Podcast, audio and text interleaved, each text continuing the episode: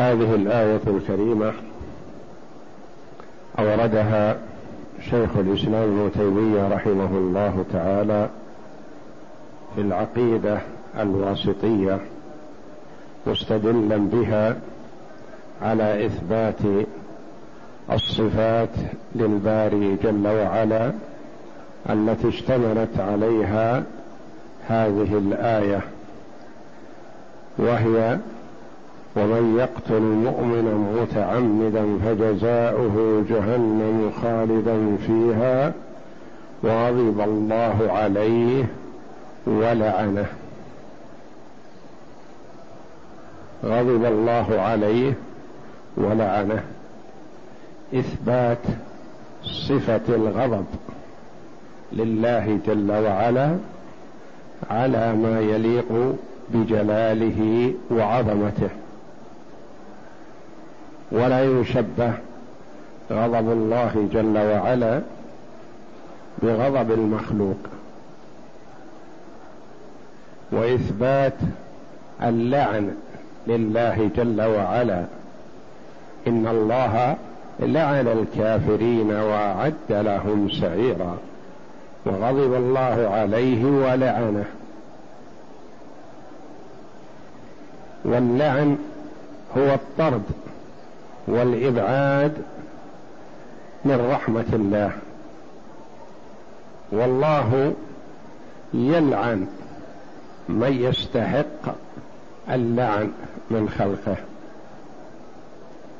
كما قال تعالى إن الله لعن الكافرين.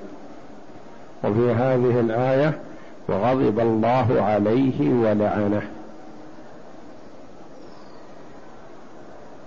وهذه الآية الكريمة كما يقول ابن عباس رضي الله عنهما حبر هذه الأمة وترجمان القرآن يقول هذه من آخر ما نزل من القرآن ولم ينزل بعدها شيء ينسخها ففيها التحذير الشديد من الله جل وعلا لعباده أن يقدم المرء على قتل قتل نفس محرمات القتل. بهذه القيود. ومن يقتل مؤمنا. اولا القيود التي اشتملت عليها الآية الكريمة. ومن يقتل مؤمنا. وش يخرج؟ الكافر. والكافر لا يخلو. إن كان حربيا فقتله حق وقتله يؤجر عليه المرء لأنه محارب لله ولرسوله وللمؤمنين. وإن كان ذميا أو معاهدا أو دخل البلاد بأمان فيحرم قتله ولكن قتله لا يصل جرمه إلى جرم من قتل مؤمنا. ولا فقد حذر النبي صلى الله عليه وسلم من قتل المعاهد. لأن المعاهد دخل البلاد بعهد والمؤمن دخل البلاد بأمان. فهؤلاء دخلوا اتكالا وثقه بأمانة المسلمين ووفائهم فيحرم قتله والغدر به وأذيته. يقول صلى الله عليه وسلم من قتل معاهدا لم يرح رائحة الجنة. يعني حرام عليه قتل المعاهد أو الذمي الذي دخل البلاد بأمان. لأن بعض الناس جهلا لا يفرق بين الكفار. ما دام كافر يقول هو عدو لله ورسوله حلال الدم والمال. لا. إن كان محاربا فنعم. وأما إن كان معاهدا أو دخل البلاد بأمان أو دخل ليسمع ليسمع كلام الله وليرى حياة المسلمين ونحو ذلك هؤلاء لا يجوز التعرض لهم بسوء. لأنهم أعطوا ذمة والمسلمون أوفى الناس بالعهد والحفاظ على الذمة. ومن يقتل مؤمنا متعمدا يخرج المخطئ غير المتعمد الذي مثلا يريد صيدا. فضرب آدمي بدون قصد مسلم. أو مثلا يقود سيارته فانقلبت فمات معه أناس.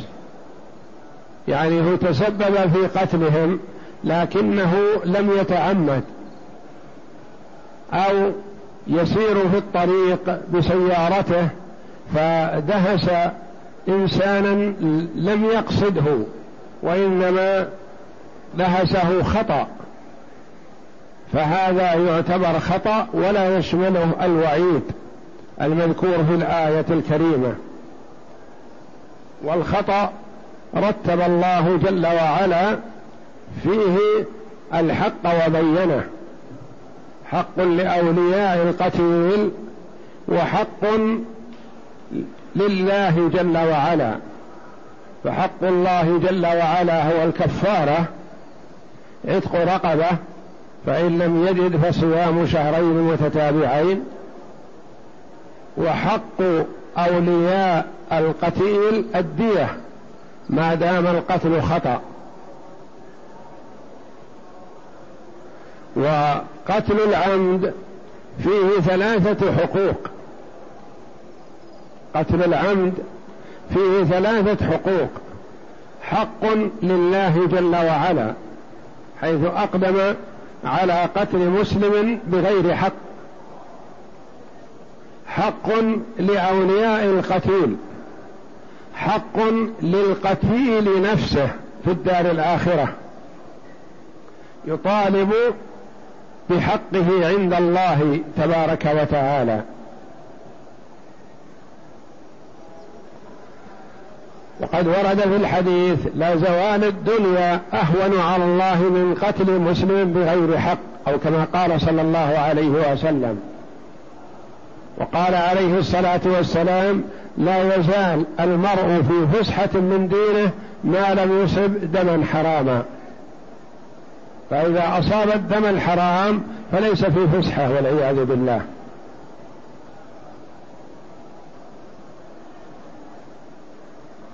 وهو كبيرة من كبائر الذنوب. جعله الله جل وعلا مواليا للشرك بالله جل وعلا الذي هو أكبر الذنوب.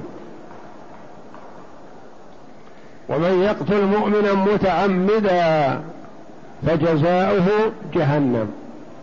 هذا جزاؤه. فجزاؤه جهنم خالدا فيها يعني مقيما فيها أبدا. مقيما فيها. وغضب الله عليه. هذا هو الشاهد. عندنا أورد المؤلف رحمه الله الآية لإثبات صفة الغضب لله جل وعلا على ما يليق بجلاله. ولا تشبه صفات المخلوقين بأن الغضب ثوران الدم هذا عند المخلوق.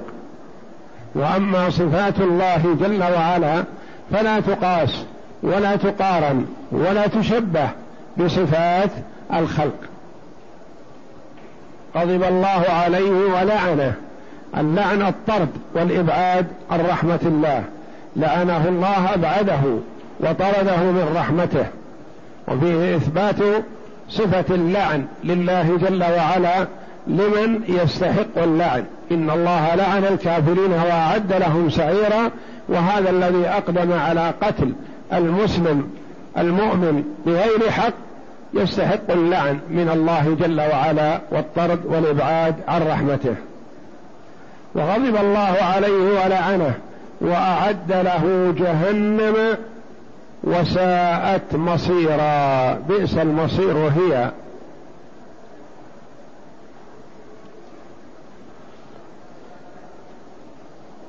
وهذه الآية الكريمة تشكل على مذهب أهل السنة والجماعة بأن اعتقادهم أن الله جل وعلا لا يخلد في النار إلا الكفار على ضوء قوله جل وعلا إن الله لا يغفر أن يشرك به ويغفر ما دون ذلك لمن يشاء. فأهل السنة والجماعة على أن من اقترف ذنبا مهما عظم دون الشرك بالله أنه لا يخلد في النار. وهذه الآية دلت على التخليد. فكيف الجواب عنها؟ والقرآن لا يتعارض أبدا.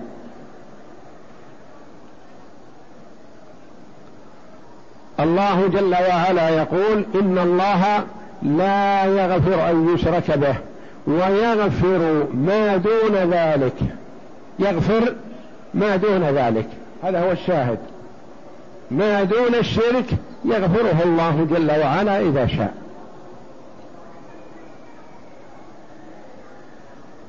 وهذه هو الآية التي معنا ومن يقتل مؤمنا متعمدا فجزاؤه جهنم خالدا فيها. مؤمن متعمد جزاؤه جهنم خالدا فيها. ما المراد بهذا الجزاء وهذا الخلود؟ وابن عباس رضي الله عنهما يقول هذه الآية من آخر ما نزل. وما نزل على رسول الله صلى الله عليه وسلم شيئا ينسخها. وهو رضي الله عنه وجماعة من العلماء يرون أن توبة القاتل المتعمد للمؤمن غير مقبولة. لا تقبل ولا تصح. والجمهور على أن توبة القاتل إذا صحت إذا تاب توبة صادقة فإن الله جل وعلا يقبلها.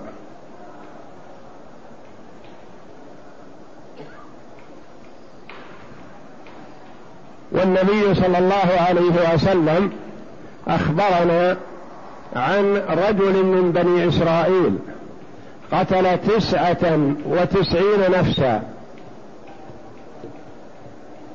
ثم أراد أن يتوب فسأل عابدا جاهلا فقال هل له من توبة؟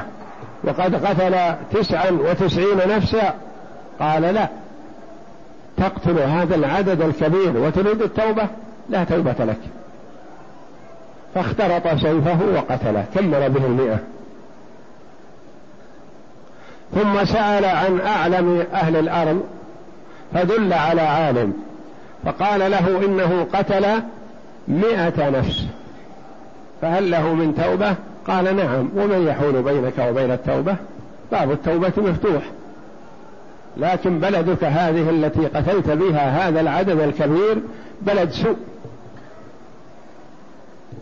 فاتركها واذهب إلى بلد فيها صلحاء تعبد الله معهم. فعزم وتوجه إلى بلد الأخيار. فجاءه ملك الموت وهو في أثناء الطريق لقبض روحه فقبض روحه. فحضرت ملائكة الرحمة تقول إن الرجل خرج تائب. يريدون استلام روحه من ملك الموت. وجاءت ملائكة العذاب تريد استلام روحه من ملك الموت تقول لأنه ما عمل خيرا قط يسفى كل الدماء. فاختصموا فيه فأرسل الله إليهم ملكا يتحاكمون إليه. فقال قيسوا ما بين البلدين فإن كان إلى بلد الأخيار أقرب فلتقبضه ملائكة الرحمة. وإن كان إلى بلد الأشرار أقرب فتقبضه ملائكة العذاب. فقاسوا فوجدوه إلى بلد الأخيار أقرب بشبر. وفي رواية أنه ناء بعنقه لما جاءه ملك الموت يدفع نفسه إلى بلد الأخيار. وفي رواية أن الله جل وعلا قال لبلد الأخيار تقربي ولبلد الأشرار تباعدي. فوجدوه إلى بلد الأخيار أقرب بشبر فقبضته ملائكة الرحمة.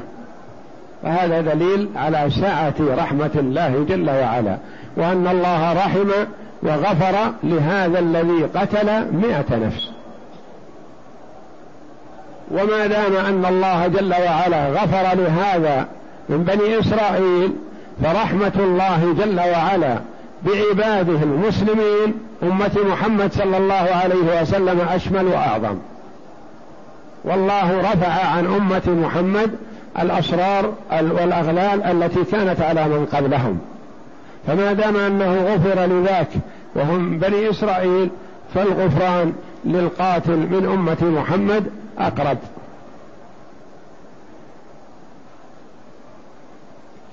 إذا كيف الجواب على الآية الكريمة؟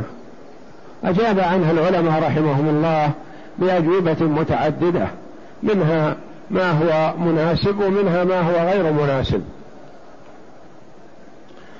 من الأجوبة قالوا إن قوله تعالى ومن يقتل مؤمنا متعمدا فجزاؤه جهنم خالدا فيها هذا في حق الكافر. يعني الكافر الذي يقتل المؤمن. جزاؤه جهنم.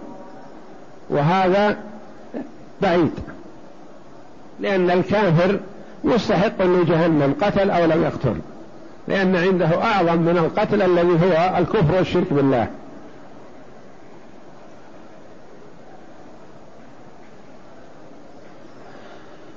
الجواب الثاني قالوا إن الخلود في النار لمن استحل القتل.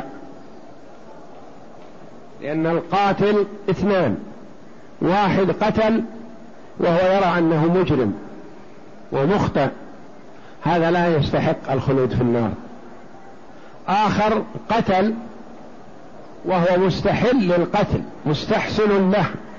يرى أنه حلال. يقتله مثل ما يذبح الشاة.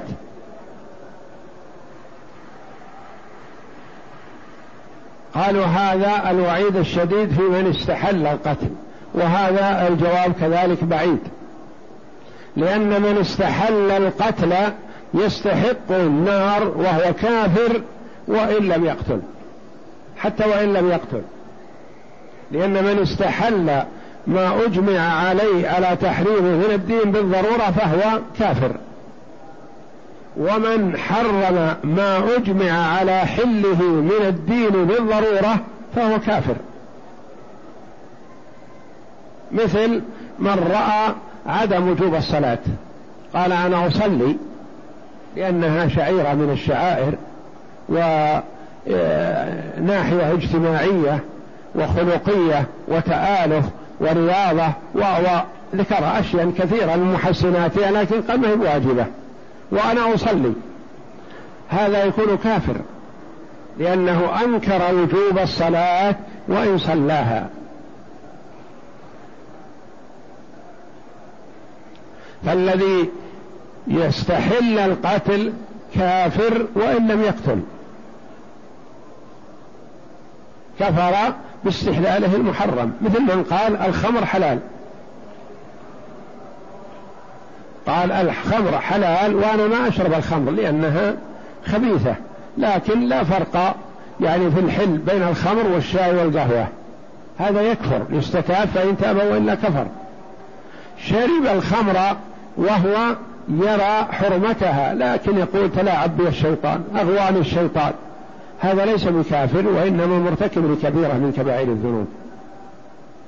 وكما قال علي رضي الله عنه لما جمع عمر رضي الله عنه الصحابة يستشيرهم في الجماعة الذين شربوا الخمر وقالوا الآية الكريمة ليس على الذين آمنوا وعملوا الصالحات جناح فيما طعموا. إذا ما اتقوا وآمنوا وعملوا الصالحات ثم اتقوا وآمنوا ثم اتقوا وأحسنوا والله يحب المحسنين. قالوا اشتربوا الخمر مستحلين. لها يرون أنها لا بأس بها وهم من الصحابة.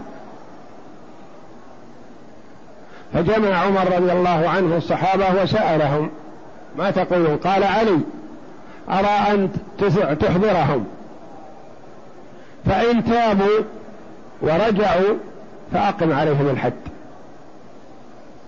الحد واجب عليهم لشربهم الخمر. وإن أصروا على رأيهم هذا فاقتلهم لأنهم رأوا حل ما أجمع على تحريمه. وليس لهم أن يتأولوا الآية في غير محلها.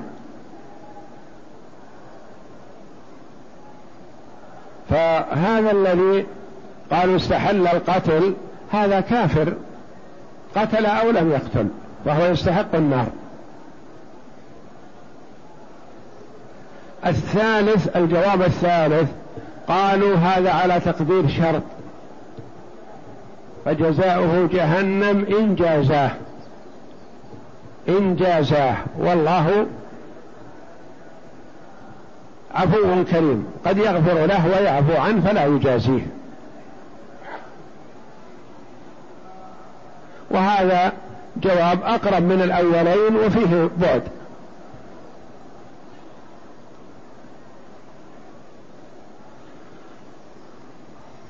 الرابع أن القتل سبب في الخلود في النار. وإذا وجد مانع يمنع هذا السبب فقد يمتنع. القتل سبب لدخول النار والخلود فيها. فإن وجد مانع وما هو هذا المانع؟ التوبة والعمل الصالح. إذا تاب وعمل صالحا فهذا من الموانع التي تمنع إعمال السبب مثل ما تقدم لنا في الفرائض القرابة سبب من أسباب الإرث. فإذا كان القريب هذا رقيق وجد السبب لكن وجد مانع يمنعه. أو قاتل أو كافر وجد السبب الإرث في القرابة لكن وجد مانع وهو الرق أو القتل أو الكفر. الخامس هذا والله أعلم هو الذي استحسنه بعض العلماء وهو أقربها. أن الخلود مراد به المكث الطويل. لأن الله جل وعلا لم يقل أبدا وإنما قال خالدا فيها. وبالنسبة لحق الكفار يقول خالدين فيها أبدا. هذه ما قال الله جل وعلا فيها أبدا. قالوا لعل المراد والله أعلم طول المكث. لأن طول المكث قد يعبر عنه بالخلود لغة ومنطقا.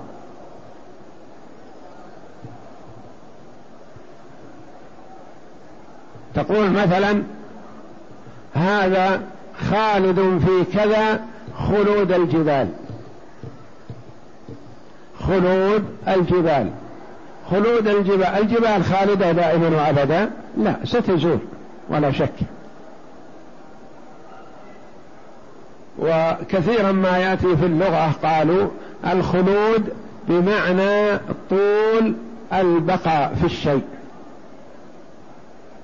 مثل ما يقول الرجل مثلا أنا خالد في هذه الدار لا أضعن عنها أبدا. هل هو يرى أنه خالد فيها إلى ما لا نهاية له؟ لا يعني قصده أنه باق فيها ما دام حي. فالمراد بالخلود هنا طول البقاء.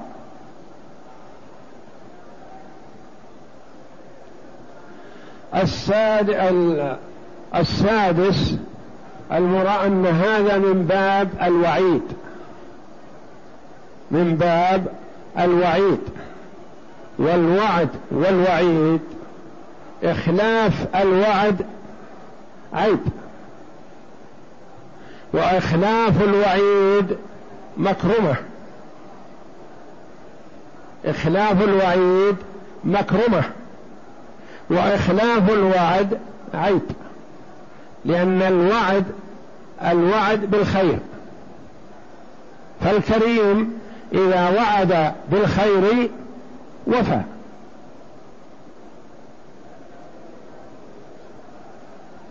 وإخلاف الوعيد كرم. فالرجل الطيب إذا وعد بالعقوبة ألا يصح أن يتجاوز؟ ويمدح على تجاوزه؟ فكذلك هنا هذا وعيد وعيد من الله والله جل وعلا يخلف وعيده ولا يخلف وعده. الله لا يخلف وعده لأن الوعد العطاء. ويخلف وعيده. فمثلا أنت ولله المثل الأعلى. إذا وعدت شخصا أن تعطيه عطية ثم أخلفت أليس هذا عيب؟ وعدت شخصا أن تعاقبه ثم عفوت عنه فوعدك إياه وعيدك إياه بالعقوبة ثم أخلفت أيعتبر هذا عيب؟ لا بل هذا كرم ومنه قول الشاعر وإني وإن أوعدته أو وعدته لمخلف إيعادي ومنجز موعدي. يقول إن توعدته أو وعدته. توعدته بالعذاب أو وعدته بالعطاء. لمخلف إيعادي يعني وعيدي أخلفه لأن هذا كرم. ومنجز موعدي. منجز موعدي يعني منجز معطيه الوعد الذي وعدته. فهذه خمسة. كل واحدة آه، أجاب بعض العلماء بواحد منها وهي بإمرار بسرعة. قالوا أولا في حق الكافر ثانيا قالوا في مستحق في مستحل القتل ثالثا في تقدير الشرط. يعني فجزاؤه جهنم إن جازاه. الرابع أن القتل سبب للخلود في النار لكن قد يوجد المانع الذي يمنع.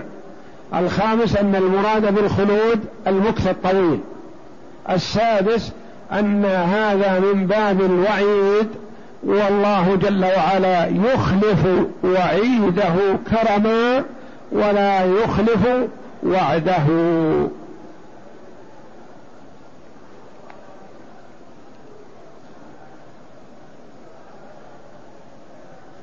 فجزاؤه جهنم خالدا فيها وغضب الله عليه. إثبات صفة الغضب لله جل وعلا. والله جل وعلا يغضب على من يستحق الغضب. ولا يقاس ولا يشبه ولا يمثل. غضب الله بغضب الخلق لأن كلام الله جل وعلا على ما يليق بجلاله وعظمته سمعه جل وعلا على ما يليق بجلاله وعظمته بصره على ما يليق بجلاله وعظمته علمه كذلك وجهه كذلك يده كذلك وهكذا صفات الباري غضبه كذلك لعنه كذلك رضاه كذلك. كل صفات الباري جل وعلا لا يصح ولا يليق أن تشبه بصفات المخلوقين لأن الله جل وعلا له المثل الأعلى. فالله جل وعلا يتكلم والمخلوق ابن آدم يتكلم. وهل يليق أن نشبه كلام الله بكلام عباده؟ أو نقول ننفي عن الله جل وعلا صفة الكلام لأنها في المخلوق مثلا تحتاج إلى شفتين وإلى لسان وإلى كذا وإلى كذا فننفيها عن الله. نقول هذا تحتاج في المخلوق. والمخلوق كلامه يتم بهذا. لكن كلام الخالق جل وعلا على ما يليق بجلاله وعظمته ما يدخل في هذا. ولا يلزم عليه ما يلزم من كلام المخلوق ولا يلزم من صفات الباري جل وعلا كلها ما يلزم من صفات المخلوق. وغضب الله عليه ولعنه وأعد له جهنم وساءت مصر وغضب الله عليه ولعنه وأعد له جهنم وساءت مصيرا. ومن يقتل مؤمنا متعمدا جزاؤه جهنم خالدا غضب الله عليه ولعنه وأعد له ولعنه وأعد له عذابا عظيما. نعم. اقرأ. قال الشارح رحمه الله وأما قوله ومن يقتل مؤمنا متعمدا متعمدا الآية فقد احترز بقوله مؤمنا عن قتل الكافر وبقوله متعمدا. هذا بالنسبة لاحترازات الآية ما هم من الأجوبة عنها. هذا يقول يقتل مؤمنا متعمدا يخرج الكافر يعني قتل الكافر متعمدا لا يخلو. إن كان محاربا فقتله حق ويثاب عليه المرء. وإن كان ذميا معاهدا أو دخل البلاد بأمان أو دخل البلاد ليسمع كلام الله ونحو ذلك وإن أحد من المشركين استجارك فأجره حتى يسمع كلام. لا أبلغه المكان الذي يأمن فيه. يرجع إلى بلاده بأمان. نعم.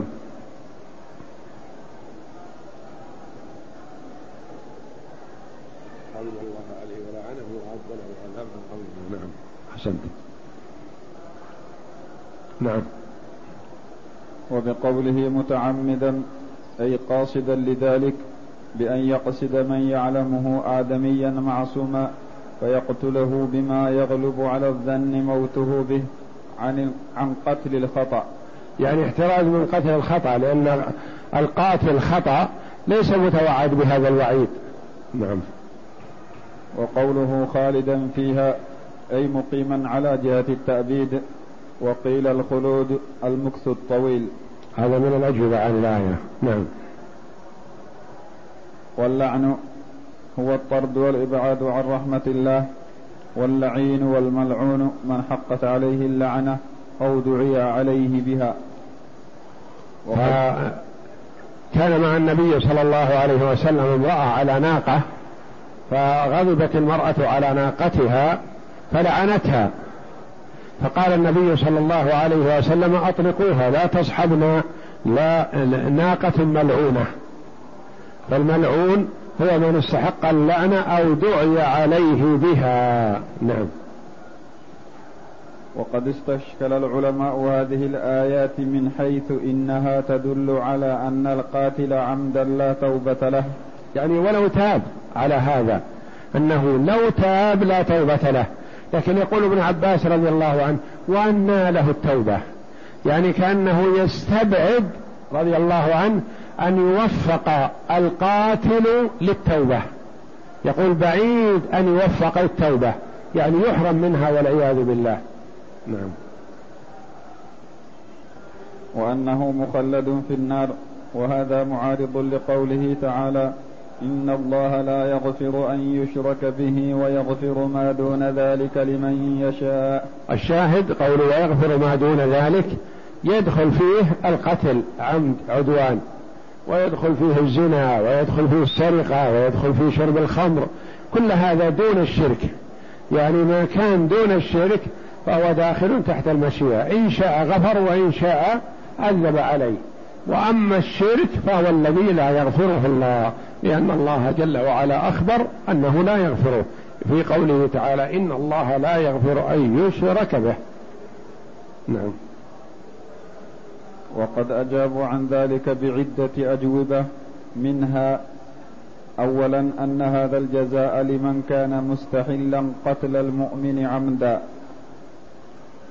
ثانيا أن هذا هو الجزاء الذي يستحقه لو جوزي مع إمكان ألا يجازى يعني إن جوزي فهذا جزاؤه وإن عفي عنه فالله أهل العفو والمغفرة.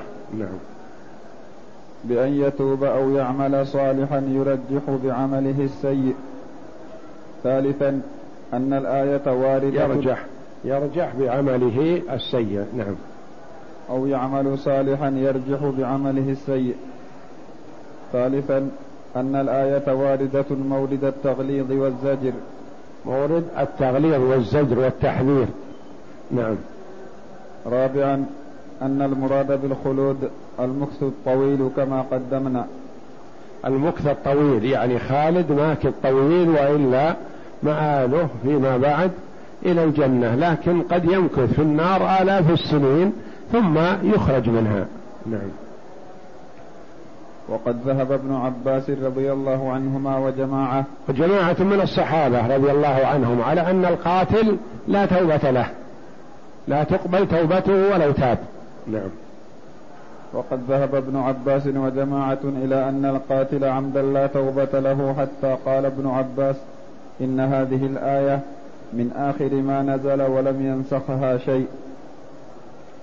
والصحيح أن على القاتل حقوقا ثلاثة حقا لله وحقا للورثة وحقا للقتيل. فحق الله يسقط بالتوبة وحق الورثة يسقط بالاستيفاء في الدنيا أو العفو. حق التوبة حق الله جل وعلا بالنسبة لقتل العمد يحصل بالتوبة. وقتل وحق الله جل وعلا بالنسبة لقتل الخطأ يحصل بالكفارة. نعم. وأما حق القتيل فلا يسقط حتى يجتمع بقاتله يوم القيامة. ويأتي رأسه في يده ويقول يا رب سل هذا فيما قتلني. يعني أنه لا يسقط. وقد يقال نعم إنه لا يضيع حق المقتول لكن الله جل وعلا إذا تجاوز وعفى عن القاتل غفر للقاتل وأعطى القتيل حقه من عنده سبحانه برفعة الدرجات أو بمحو السيئات فقد يكون قتله تكفيرا له لخطاياه. والله أعلم وصلى الله وسلم وبارك على عبد ورسول نبينا محمد وعلى آله وصحبه أجمعين.